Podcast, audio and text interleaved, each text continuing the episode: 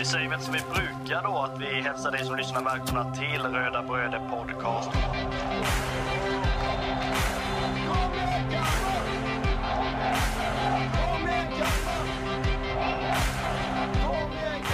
Vi är ju tre bröder som eh, driver en podcast som heter Röda Bröder Podcast.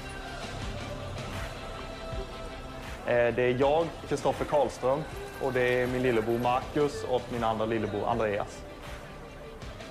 Podcasten handlar bara om Kalmar FF.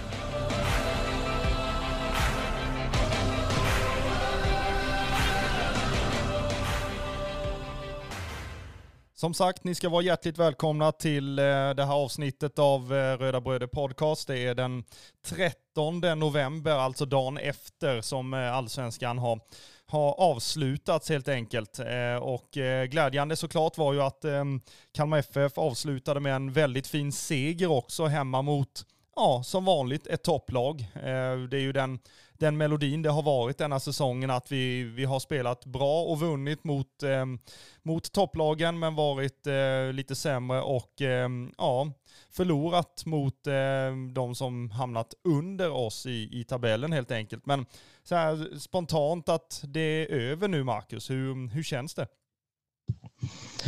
Ja, alltså på, på ett sätt så känns det skönt, höll jag på att säga. Eh, Men, men det är väl också att jag kände väl för ett par matcher sen att nej, men nu, nu är man klar med den här säsongen. Liksom. Man har sett vad, vad den här eh, säsongen har kunnat ge. Dels liksom en, som jag sa för några avsnitt sen en väldigt bra vår, en sämre sommar liksom, och sen en ändå bättre höst. Eh, sen har man ju blandat och gett. Liksom. Men sett till förutsättningarna, sett till eh, den liksom pressen som Kalmar FF hade på sig utifrån. Eh, alltså inte då att man skulle komma särskilt högt, utan mer att nej men, man skulle hamna rätt långt ner och det skulle gå åt helvete när, när Rydström lämnade, så tycker jag ändå att man generellt ska vara ganska nöjd med hur det liksom har sett ut. Eh, och sådär. Sen är det väl också så att, ja, eh, precis som jag sa, man är ganska nöjd med att säsongen faktiskt är slut, så man får andas en liten stund. Men samtidigt så är det ju så att det första man gjorde idag på morgonen var ju att kolla i sin almanacka. När kan första träningen läggas? När kan i så fall första cupmatchen läggas? Liksom? Eh, och sådär. Så att det, det är väl så, efter en lång säsong liksom, så vill man väl andas en stund, men man vill ju inte andas alldeles för länge. Nej, så är det ju verkligen. Eh, en del tycker ju som sagt att det är, att det är skönt, att det är över och man ska ja, koncentrera sig på, på annat helt enkelt. Och en del, ja precis som du, du säger också, kollar i almanackan och, och har liksom abstinens redan.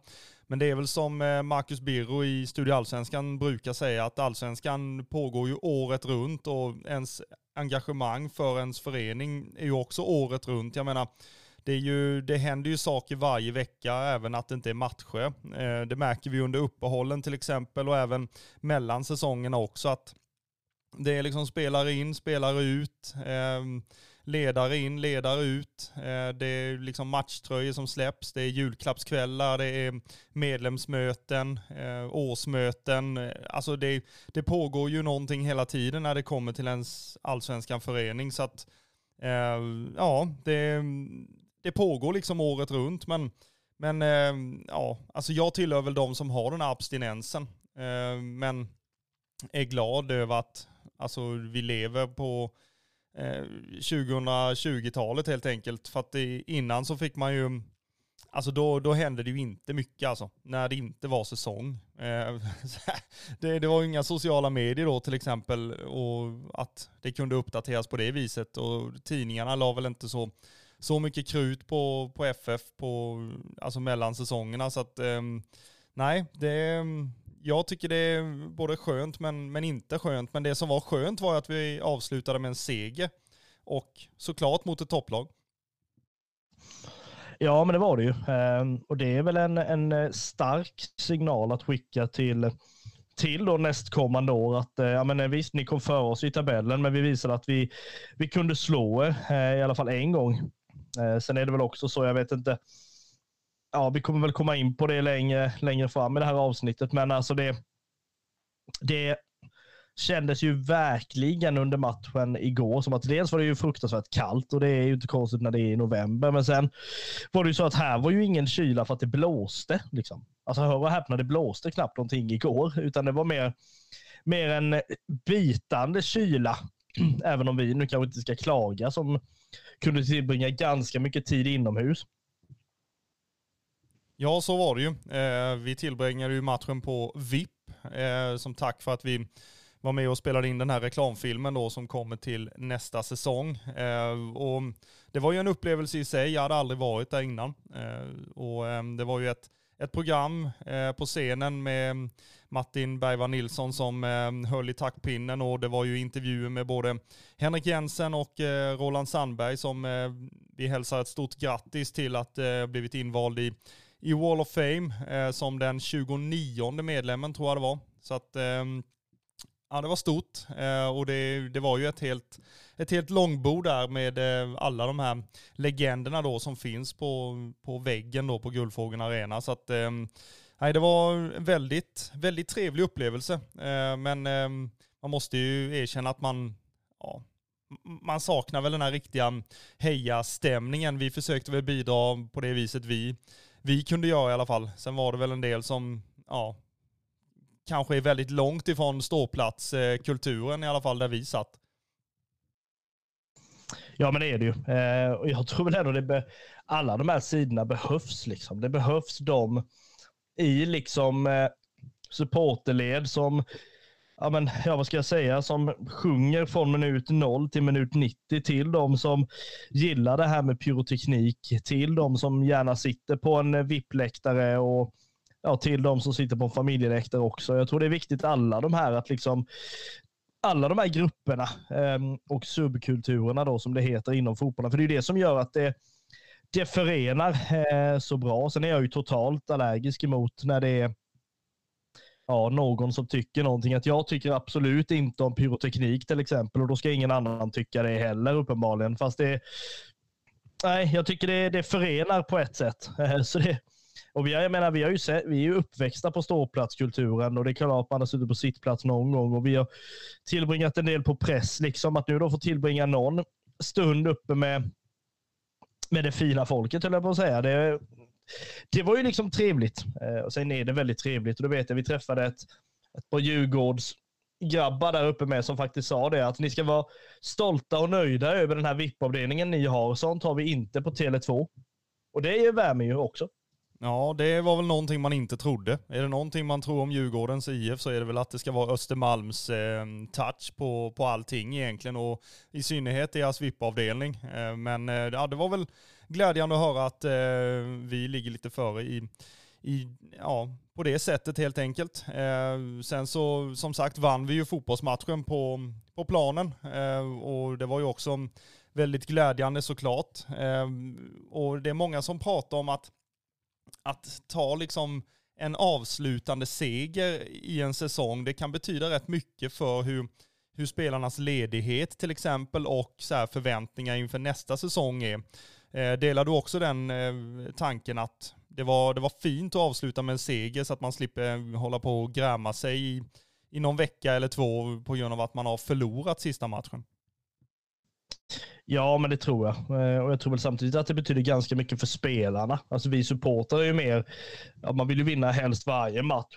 Um, eller sådär. Och ja, jag tror väl egentligen att för spelarna betyder det väl ännu mer just att men, när man ska varva ner lite nu i ett par dagar så då har man inte det här att liksom grubbla på vad var det vi gjorde fel? Vad var det som gjorde att vi inte vann matchen? Utan mer, jag tror man får en lite mjukare landning, så glida fint in i ledigheten eh, som, eh, som de nu kommer ha eh, så smått. Och det, det tror jag också att man kan lättare liksom koppla av. För det är väl också, alltså vi, ja, våran säsong, alltså det är så här, säsongerna tar ju slut fast det är också Alltså att vi är ju redan inne på att titta var kan eventuella matcher läggas nästa år och liksom hur, hur kommer det se ut? För spelarna är det ju ja, på ett sätt egentligen bara de som åker och på semester. Ja, det är klart de har någon form av individuellt träningsschema för att inte inte bli DD Andersson fullständigt under liksom ledigheten. Men samtidigt är det väl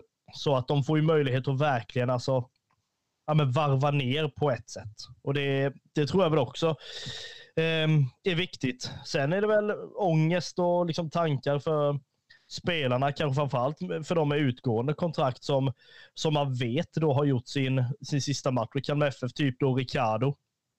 I alla fall för denna gången kan vi ju säga. Där är det ju mer, ja, var ska jag ta vägen nu? Så att det, det är ju lite olika beroende på vilka, vilka spelare vi pratar om. Eh, sen kan det också vara så att vissa spelare har mycket lättare att bara släppa det. Hade man förlorat igår så hade det ändå varit lite strunt samma sådär. De hade kunnat släppa det väldigt mycket snabbare än, än vad andra gör. Ehm, eller så. Men för vissa spelare hade det säkert också blivit svårare om man hade förlorat. Så det var väl skönt att man kunde avsluta med, med en vinst. Ja, och eh, såklart, eh, så, alltså det, det som slog mig idag är ju att Alltså det var inte länge sedan vi, vi kvalade oss kvar i allsvenskan. Eh, det ska ju liksom gudarna veta. Eh, samtidigt så på de tre senaste säsongerna har vi kommit liksom sexa, fyra, sexa och det är ganska starkt gjort av en förening av, av våran storlek med tanke på att jag tror Jensen pratade på presskonferensen om att eh, vi skulle kommit tia om man räknar på ja, den eh, ekonomiska allsvenskan helt enkelt och, och då ligger vi ganska ganska långt efter en fjärde plats och en sjätte plats till exempel. Eh, så det är ju många som pratar om det här med överprestation. Eh, och har vi gjort det nu i tre år i rad, hur kommer det se ut ett fjärde år till exempel? Eh, och Alltså, det är väl en sak om man överpresterar gentemot ekonomin, men samtidigt har vi visat denna säsongen att vi, vi kan slå alla topplagen, men vi kan ha väldigt svårt för de som kommer efter oss i tabellen. Men Eh, samtidigt så visar man ju då att man har en kvalitet i truppen, i eh, spelarmaterialet, i ledarna, i allting egentligen som, alltså som visar att vi, vi är ett lag som hör hemma på den övre halvan fast vi inte har ekonomi till det och då är det ju en ännu större alltså prestation egentligen eh, med alla inblandade. Eh, så att och, och, det visar ju bara på experternas tips också. Hur, hur, bra koll har man på, på Kalmar FF? Hur bra koll vill man ha på Kalmar FF? Eh, speciellt när man har tippat oss eh, på ja, strax över kvalplats och en del tippade väl att vi skulle åka ur till och med. Så att ehm, de har ju fått sig en, en eh, ja, vad ska jag säga, smäck på näsan kan man säga så. Ehm, och jag menar, det är frågan, det är ju redan experter som har börjat att tippa allsvenskan 2024 och där ligger vi ju redan nere på, ja jag tror det är en expert som har tippat oss på 14 plats. Eh, så att det, det, det fortsätter vi mot etablissemanget. Ja, men då ska det ju väldigt mycket till att liksom alla de här eh, spelarna med utgående kontrakt försvinner. Jag menar, både Carl Gustafsson, Netabay, Shamoun och Hymmet, liksom, då ska ju alla de verkligen försvinna och vi ska typ ja, inte ersätta med någonting egentligen. Ehm, så att nej, och jag menar, man kan prata om att man sticker ut hakan, att liksom eh, tippa och hålla på med liksom precis innan allsvenskan börjar, för det kan ju totalvända liksom i maj, men att liksom precis på visslan när 2023 har slutat, att då liksom mer eller mindre peka ut så här kommer det se ut 2024 vi har ju inte en aning om vilket lag vi har 2024 helt ärligt. Eh, det kan ju vara att vi, ja, höll på att säga får, alltså det är ju mycket med, med ja, men precis som jag säger, olika spelare in och ut. Alltså gör vi ett jättebra fönster här nu, plockar in en målvakt som är Ricardo plus ungefär. Eller i liknande eh, kvalitet som honom. Då är det klart det kan bli väldigt bra. Värvar vi in ja, egentligen ingenting. Eller vi värvar in någonting som sen visar sig vara alltså inte alls samma klass. Eh, då är det ju klart att det kommer bli svårare. Men sen, jag vet inte, jag har väldigt, väldigt svårt med de som kallar sig experter och kanske inte ens har hållit i en fotboll hela sitt liv. Liksom, de har ju väldigt lätt för att tippa. Det är bara som en väldigt stor parentes att titta på hur man tippade i superettan. Liksom. Ja, den Hur fruktansvärt åt skogen det gick. Ja, den tippningen den, eh, den går ju viral just nu på, på Twitter. Den, den har man ju sett ett antal, ett antal gånger eftersom det är många som har delat den helt enkelt. Så att eh, ja, den, de experterna lär ju fundera kanske en och två gånger när de tippar superettan nästa år till exempel. Eh, så att då kan man ju ja, kanske låta bli att tippa Helsingborg som vinnare eller Öster som vinnare av, av Superettan. För det, det händer ju inte ändå. Så att eh, nej, de får, de får verkligen ta och grotta ner sig ordentligt alltså under uppehållet här och titta på vilka spelare som kommer in och ut och, och lite sånt där. För att eh, nej, experterna får ju, får ju steppa upp helt klart ju. Ja, verkligen. Eh, och det här leder väl oss in på matchen som var eh, under gårdagen. Vi ska väl i alla fall göra så ett, eh, ett sista match eh, ner eh, snack eh, för säsongen 2023 innan vi ja, börjar liksom göra bokslut i olika konstellationer. Vi ska ha lite intervjuavsnitt, vi ska sammanfatta, summera säsongen och så vidare. Och sen ett rejält fint eh, Silja-avsnitt som du har sett fram emot.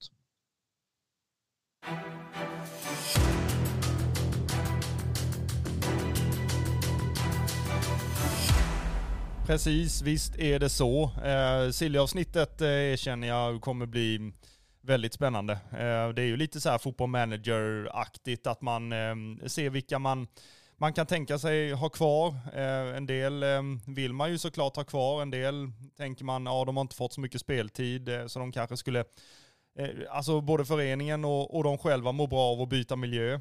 Eh, och dels så här, vilken spelartyp behöver vi plocka in?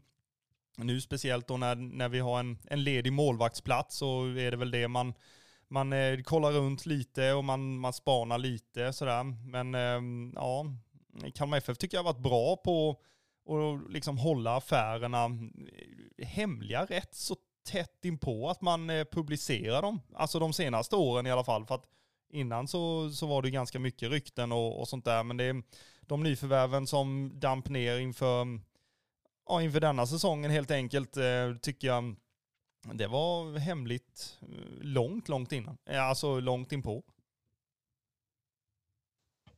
Ja, alltså det verkar inte som att det är särskilt ofta som det spekuleras eller skrivs jättemycket i tidningarna eller i media generellt och sen ja, dimper ner ett tag senare, utan det har väl mer varit att Alltså till och med vid ett par tillfällen att det liksom kommer upp på morgonen. Ja, det ryktas att bla bla bla bla är på väg in och sen kommer liksom nyheten samma kväll eller dagen efter från, eh, från föreningen.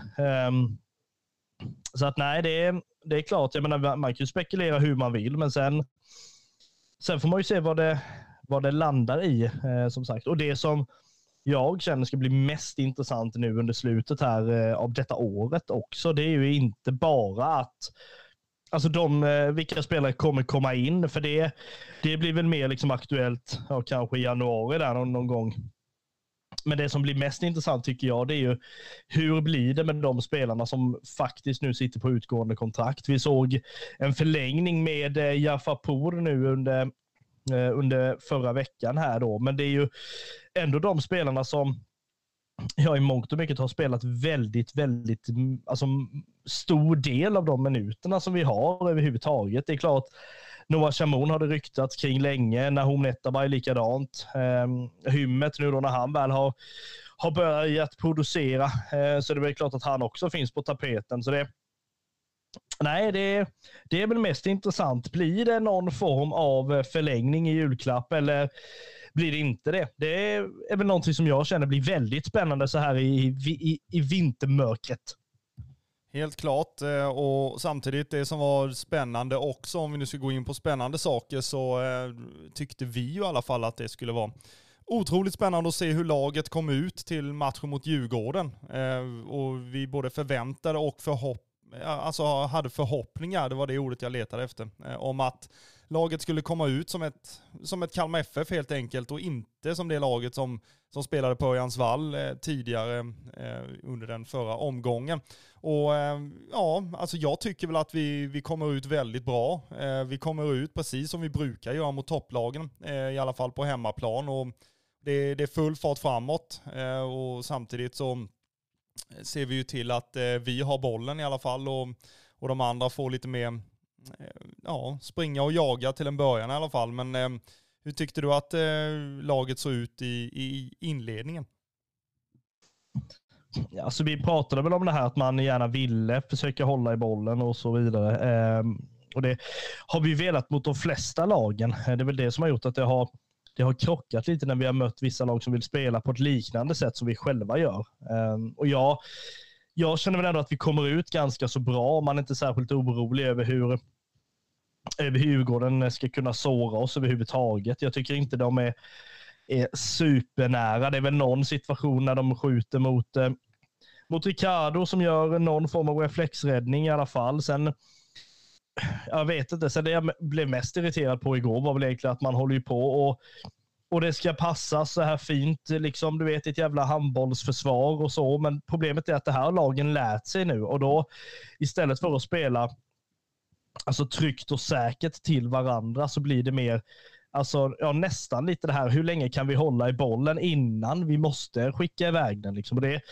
gjorde ju, ja, det straffade ju oss nästan eh, till en början. Sen, eh, ja, jag vet inte. Jag är ju väldigt mycket mer för det där med alltså att antingen, som jag sa, så är man trygg och säker i den man slår passningen till, eller så skickar man bara långt. Liksom. Eh, men äh, kortfattat så tycker jag väl vi kommer ut väldigt bra. Eh, jag tycker ändå att Djurgården känns inte att känna igen. Det var nästan som som man märkte med oss i någon match, att här är det inte inte liksom helt hundra. Och det kände man nästan med Djurgården, att de var inte, alltså förstå mig rätt nu, men alltså hotfulla i sitt spel på det sättet som man har kunnat se dem vid liksom andra matcher eller någonting. Det var inte så att man kände sig särskilt orolig eh, överhuvudtaget. Och jag menar, vi hade bland annat en match i matchen med Gojani mot eh, Schüller och jag menar, fan, fanns Schüller på planen överhuvudtaget?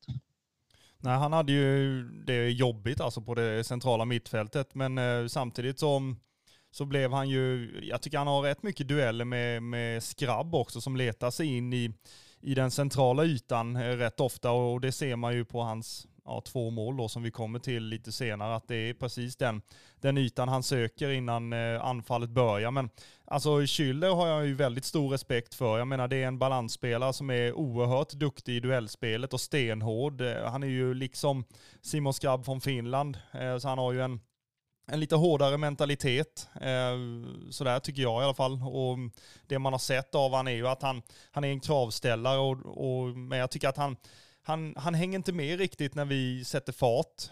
Och, och då blir det att han får dra på sig en del Eh, frisparkar och lite sånt där. Sen ser man i Djurgårdens lag, utan att recensera dem allt för mycket, att eh, det finns ju de spelarna i det laget som, som drar ett jäkla lass alltså. Och en del som kanske inte ja, presterar på sin eh, vanliga nivå. Och, och då tänker man ju i stort sett på Alltså Mange Eriksson till exempel eh, som kapten, han, han bär ju ett oerhört stort ansvar på sina axlar och, och likadant eh, den unga talangen Lukas Bergvall som jag tycker är en väldigt fin spelare att, att titta på.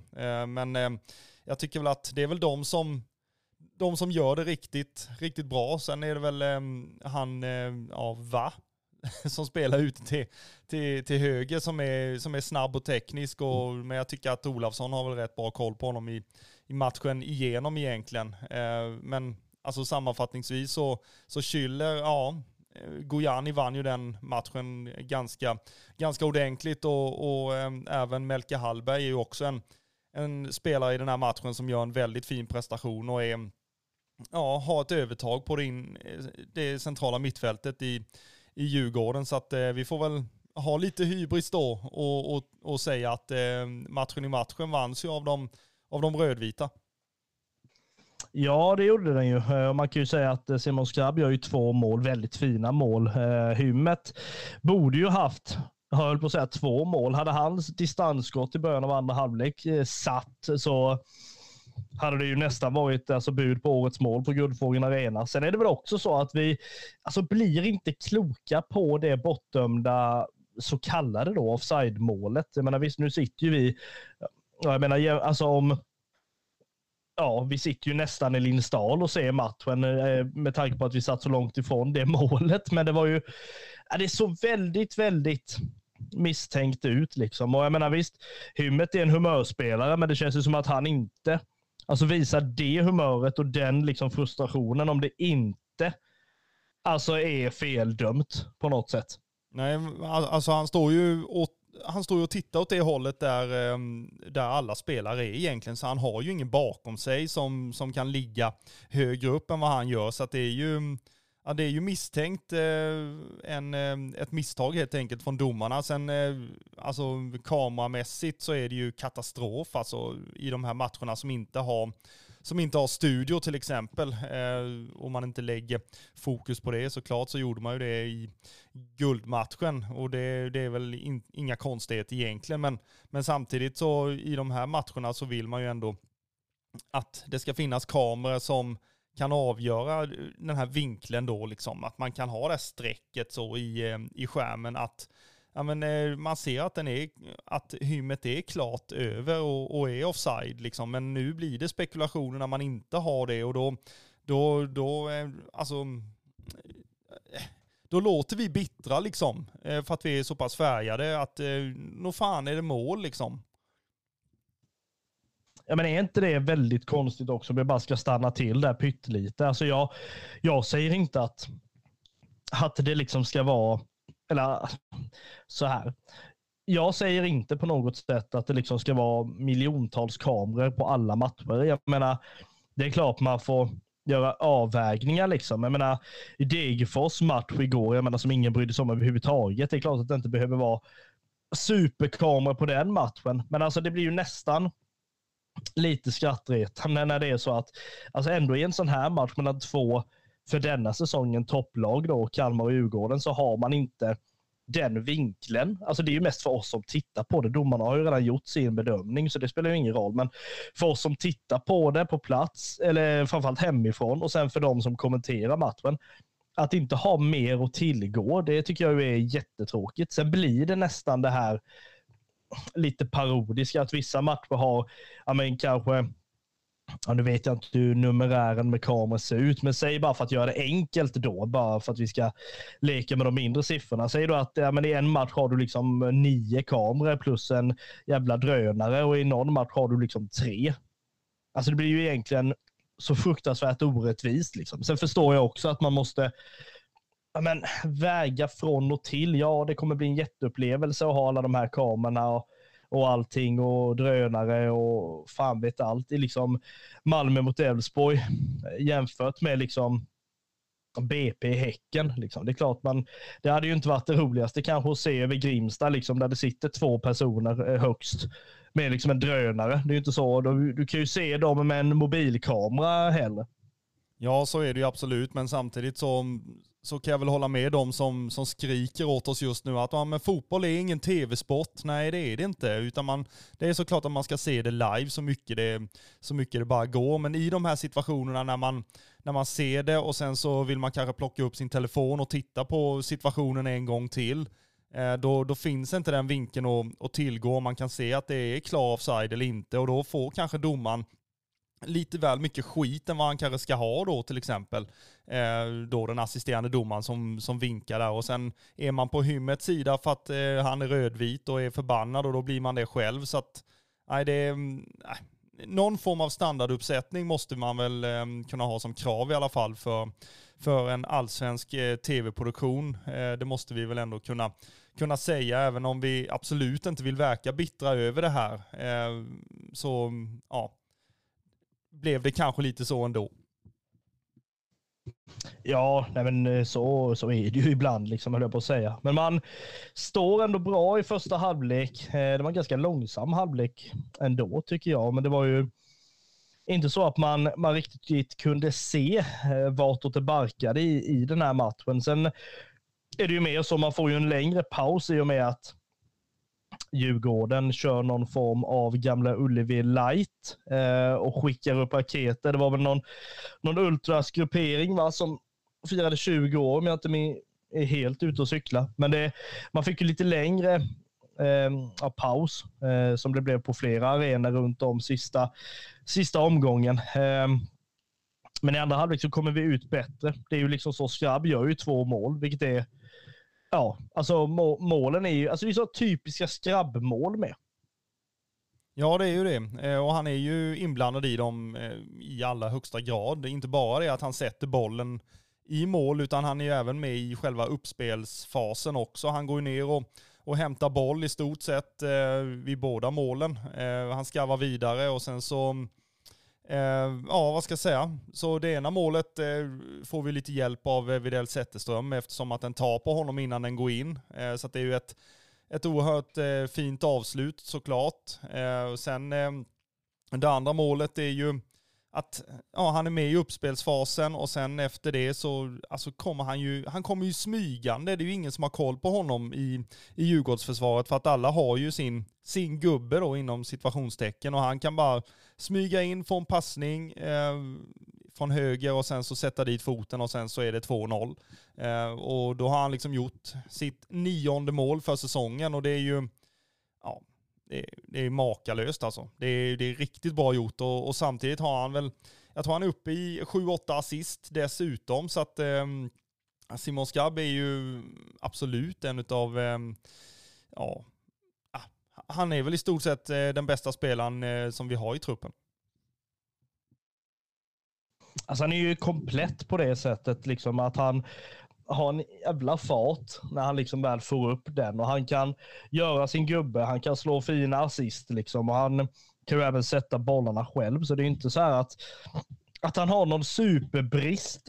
Eller så kan man ju säga. Jag vet ju frågade Mileta Rajovic om han, han hade någon brist eller några svagheter och han var väl inte heller så så liksom säker på det. Eh, så känns det som att Skrabb är, ja, alltså det är en, ändå en spelare som dels som liksom, ja, vad ska jag säga, trivs med det jobbet. Att liksom han dels får agera målskytt och sen eh, servera sina lagkamrater med, med fina passningar. Sen är det ju också så som vi måste nämna att det här är ju faktiskt den enda spelaren tillsammans med David Olafsson som har startat varenda match i år.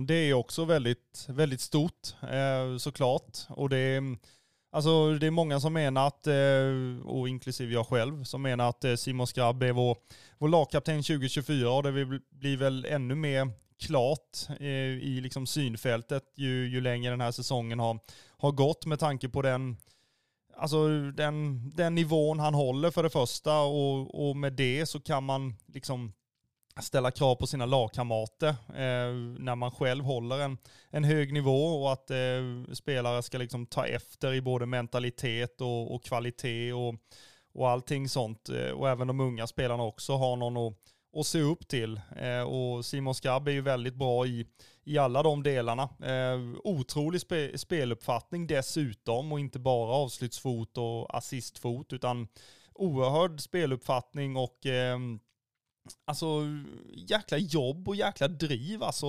centralt i planen också defensivt så att ehm, Nej, mycket, mycket sevärd spelare och det, alltså det var väl det man hoppades på inför denna säsongen också. Förra säsongen var ju lite mer, eh, vad ska jag säga, eh, uppbyggnadsår eller någonting sånt där ju. För att han hade gått skadad ett år innan och han pratar ju själv i, i barometern att eh, det är en, en ganska lång väg att, att vandra från ett skadeuppehåll på ett helt år till att ja, leverera på, på högsta nivå igen. Eh, och då vill vi ju hemskt gärna veta hur det kommer att gå 2024 för att eh, han, han kommer bara bli bättre och bättre då helt enkelt. Eh, men är det någon som, som inte har fattat det ändå så ger vi, ett, eh, och ger vi en ordentlig passning då måste jag ju säga och då pratar jag för båda oss två. Det är ju till det finländska landslaget att hur i hela helsike kan det komma sig att man inte ens Alltså man har inte ens en tanke på Simon Skrabb liksom. Och det är,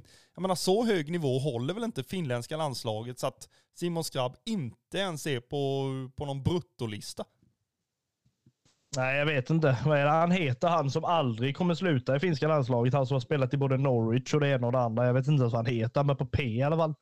Är det han eh, Pucki? Bucky ja, just det. Det är, väl, det är väl han då. Eh, jag tror du pratade om Jari Littmanen eller något sånt där. Spelar han fortfarande? Nej, jag tror inte. Jag tror inte ens han, jag eh, höll på att säga finns läge, det gör han ju absolut. Men jag tänker, Pucki, det är väl han vi får se till att någon fan sparkar sönder knäskålen på så att Skrabb får chansen då, höll jag på att säga. Det är, är väl det här typiska, eh, eller sådär, men bara för att återkoppla till det du säger, det här med kapten eh, 2024. Just det, vi måste ha en ny kapten till det året. Eh, ja, alltså det, det är väl eh, alltså ändå någonting som man skulle kunna tänka sig. Eh, det här är ju ändå en en spelare som, ja, men som faktiskt kan visa både för och emot om jag säger så. Han är ju ändå en spelare som kan vara nöjd med hur man har spelat, känns det som. Men han är också en spelare som inte på något sätt är, är försiktig med att eh, kritisera. Eh, alltså då både alltså spelarna och eh, alltså supportrar och så vidare också vid, vid eh, alltså de tillfällen när, när det kan vara befogat. Så det här är väl en spelare som jag tror absolut hade kunnat vara ett kaptensmaterial eh, som sagt.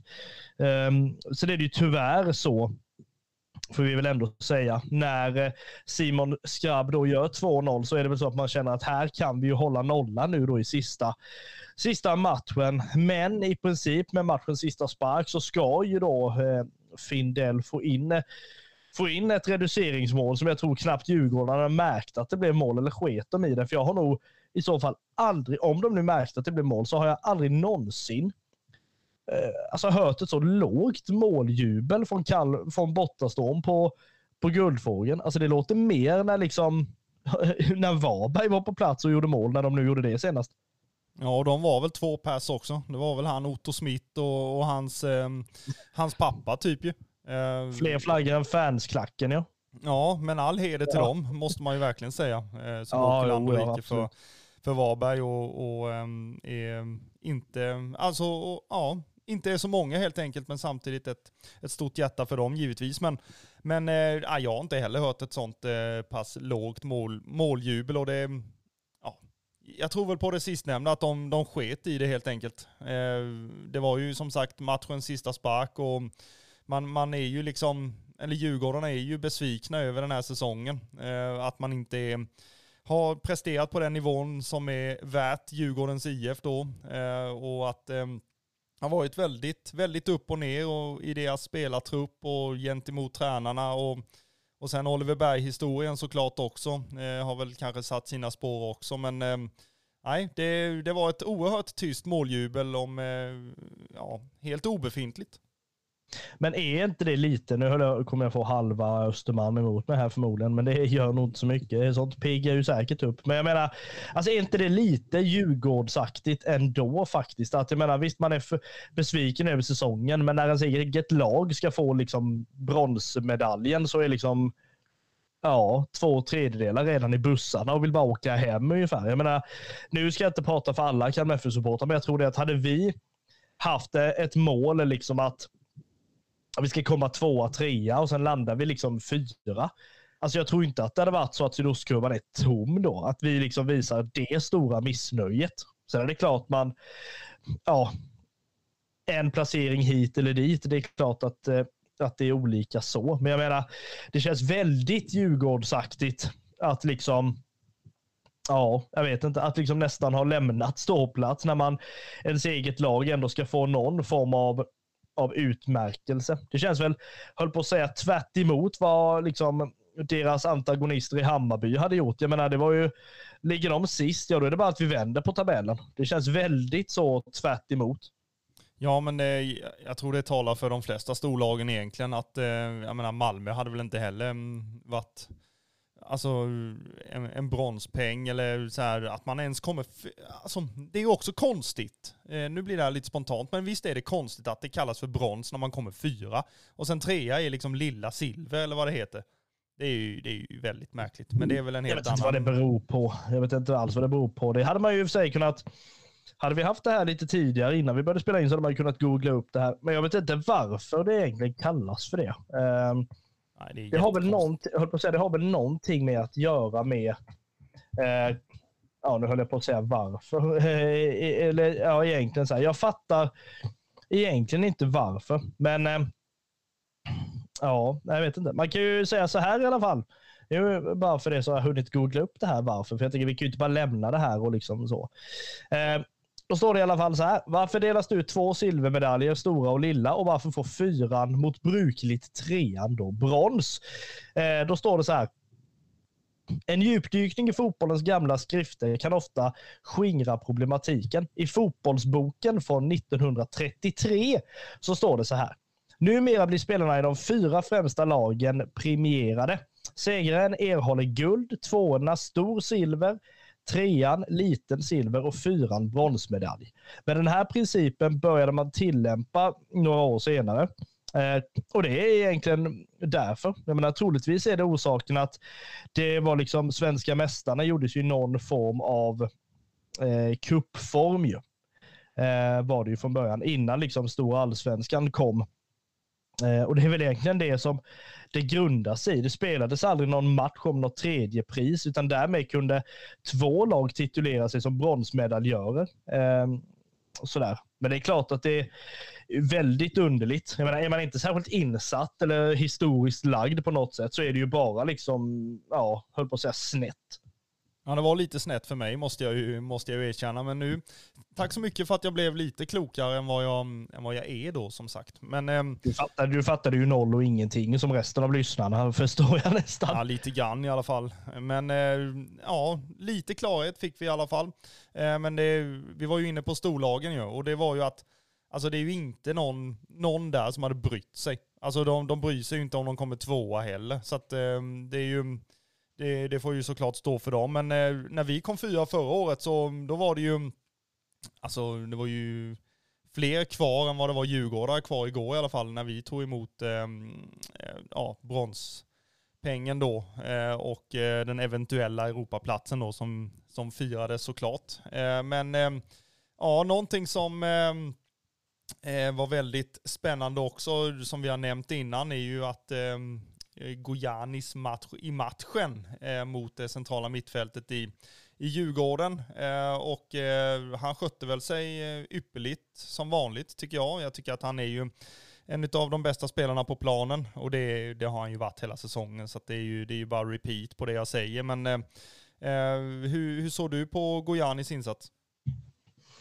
Alltså det som är så spännande med Gojani det är att han kan ju vara hur pressad som helst, fast det ju, ser ju ändå så fruktansvärt lugn ut. Jag menar, han kan ju bara slå en passning och så snurrar han runt sin motståndare liksom. Och samtidigt som han slår de här, jag vet inte, alltså läpppassningarna eller vad man säger. Jag menar när du skickar en passning liksom 40-50 meter bara rätt på sulan på din polare. Liksom. Jag vet inte Ja, det ser så, ser så fint ut. Liksom jag vet att jag pratade någon gång om att vissa spelare faller något fruktansvärt. Eh, och att det liksom in, alltså, som om det vore någon form av isballett mer eller mindre. Men här är det ju fan någon ballettuppvisning eh, mer eller mindre. Det är så himla liksom, ja, vad ska jag säga, mjukt och fint. Ja, men motståndarna har ju så jäkla svårt att komma åt honom.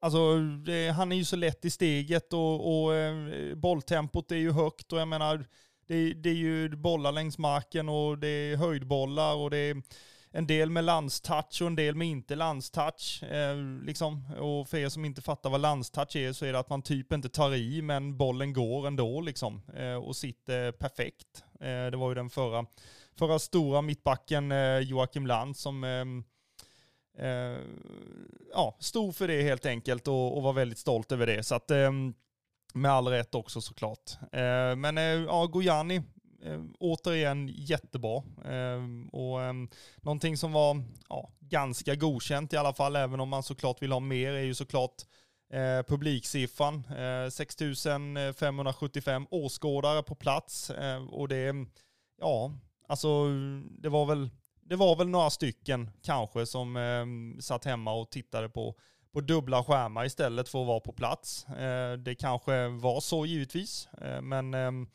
ja, det, det, får ju såklart stå för dem. Ehm, men eh, vi går snabbt vidare till ehm, Röda Brödespelaren och det, den är ju, ja, den, den är ju självklar, det, det måste man ju säga.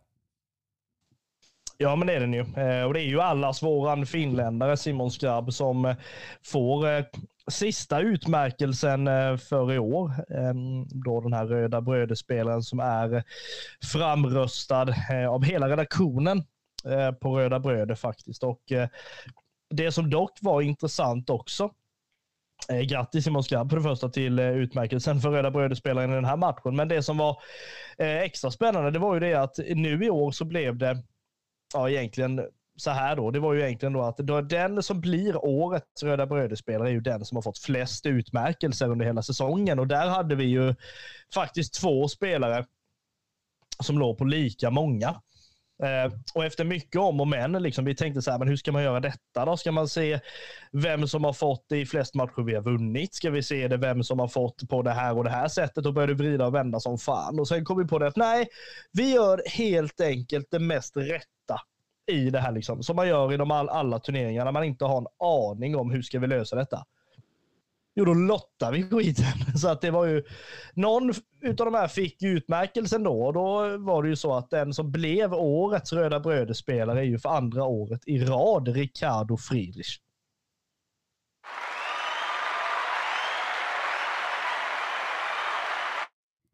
Givetvis ett, eh, ett stort grattis eh, till andra året i rad eh, till Ricardo Friedrich, våran vår lagkapten för eh, 2023. Eh, nu återstår det att se vilken, vilken klubbadress eh, som landar Ricardo inför 2024. Visst har det luktat Sverige, men vi hoppas väl fortfarande på, på utlandet va? Ja, men det tycker jag. Jag har ju inga problem med om spelare lämnar Kalmar FF, men det, det ska fan vara pass utomlands i så fall. Ja, eh, det, det, tycker nog de flesta eh, rödvita supportrar. Eh, men ja, som sagt, vi avslutar med en, med en seger i årets allsvenska. Vi slutar på en, på en sjätte plats när experterna trodde vi skulle hamna betydligt lägre ner i, i tabellen och, och visar fortfarande att vi hotar etablissemanget, i alla fall spelmässigt. Ekonomiskt har vi en bit, bit kvar att vandra, men det det ska väl ordna upp sig till slut i alla fall, men så länge vi har Jörgen Pettersson som, som sportchef som kan plocka in spelare på, på Bosman och eh, ja, för lite lägre övergångssummor och vi ska satsa på de unga spelarna och akademin så ja, jag, är, jag sover ju inte jättedåligt eh, av, den, av den anledningen i alla fall. Nej, det, det gör man ju faktiskt inte. Um, Ehm, och bara få, få vända på det helt och hållet eh, eh, så kan vi ju säga så här då istället att det som vi har tänkt nu längre fram, nu är liksom allsvenskan slut och det är ju som eh, som Kristoffer säger att ehm, naturligtvis så vill man hålla på och hålla på. Liksom. Dels är det ju så att vissa KMF-supportrar får ju abstinens, vissa får ju det mer än andra, det vill säga läs oss i podden. Eh, och Det här gör ju då att vi eh, kommer ju att dels leva kvar här under vintermörkret med lite olika olika grejer. Dels då en hel del uppehållsavsnitt där vi pratar igenom senaste rykten. Silly-avsnitt måste vi ha. Vi ska summera säsongen som sagt. Ehm, och eh, det gör vi ju alltid med den som eh, faktiskt kom etta i vår fantasyliga. Och det är också spännande faktiskt. Eller så. Det är, ehm, det här back-to-back-mästarna, det är ju han som ingen kan slå i fantasy, nämligen David Vandar som vi ska höra av oss till och se om vi kan boka in någon, någon kväll då vi kan summera 2023. Sen har vi ju naturligtvis intervjuer med olika personer i föreningen som vi vill få till och som vi håller på att försöka få till samtidigt. Sen är det ju så att vi står ju där första träningen, första kuppmatchen och sen hörs vi ju på ett riktigt fint gammalt klassiskt Röda Bröder avsnitt när vi väl landar i säsongen 2024 ju. Ja, eh, och det, det är ju som sagt eh, så att allsvenskan och och Kalmar FF, det pågår ju året runt och, och vi tänker på föreningen varje dag, precis som vi sjunger på ståplatsen. Så att eh, det, vi kommer ju såklart att, finnas för alla FF-supportrar ute i, i landet eh, via den här podden och eh, förgylla eran, era veckor i, i höstmörkret och vintermörkret. Eh, så eh, håll utkik på våra sociala medier så eh, missar ni ingenting eh, som eh, handlar om, om just den här fina supporterpodden som vi har eh, och som vi är väldigt stolta över. Eh, men eh, som sagt, eh, vi hörs vidare och eh, ja, skönt med en seger alltså. Det, det, måste man ju verkligen säga att vi, att vi fick avsluta med en seger mot ett topplag eh, utan att ha allt för mycket hybris inför 2024. Det, ja, det kommer ju att värma i, i höstmörkret eh, och ehm, ja, jag, jag har inte mer att säga än att vi, vi, vi knyter väl ihop säcken om inte du har något mer. Nej, det har jag väl egentligen inte. Vi knyter väl ihop säsongen 2023 med eh, det lilla fina tanesättet. Det var ju någon som ja, för många, många år sedan, ni som är lite äldre faktiskt, eh, eh, som avslutade ett program som den här gubben hade där han sa Good night America wherever you are. Så jag säger väl att vi avslutar eh, säsongen 2023 genom att säga tack så mycket alla rödvita var ni än befinner er.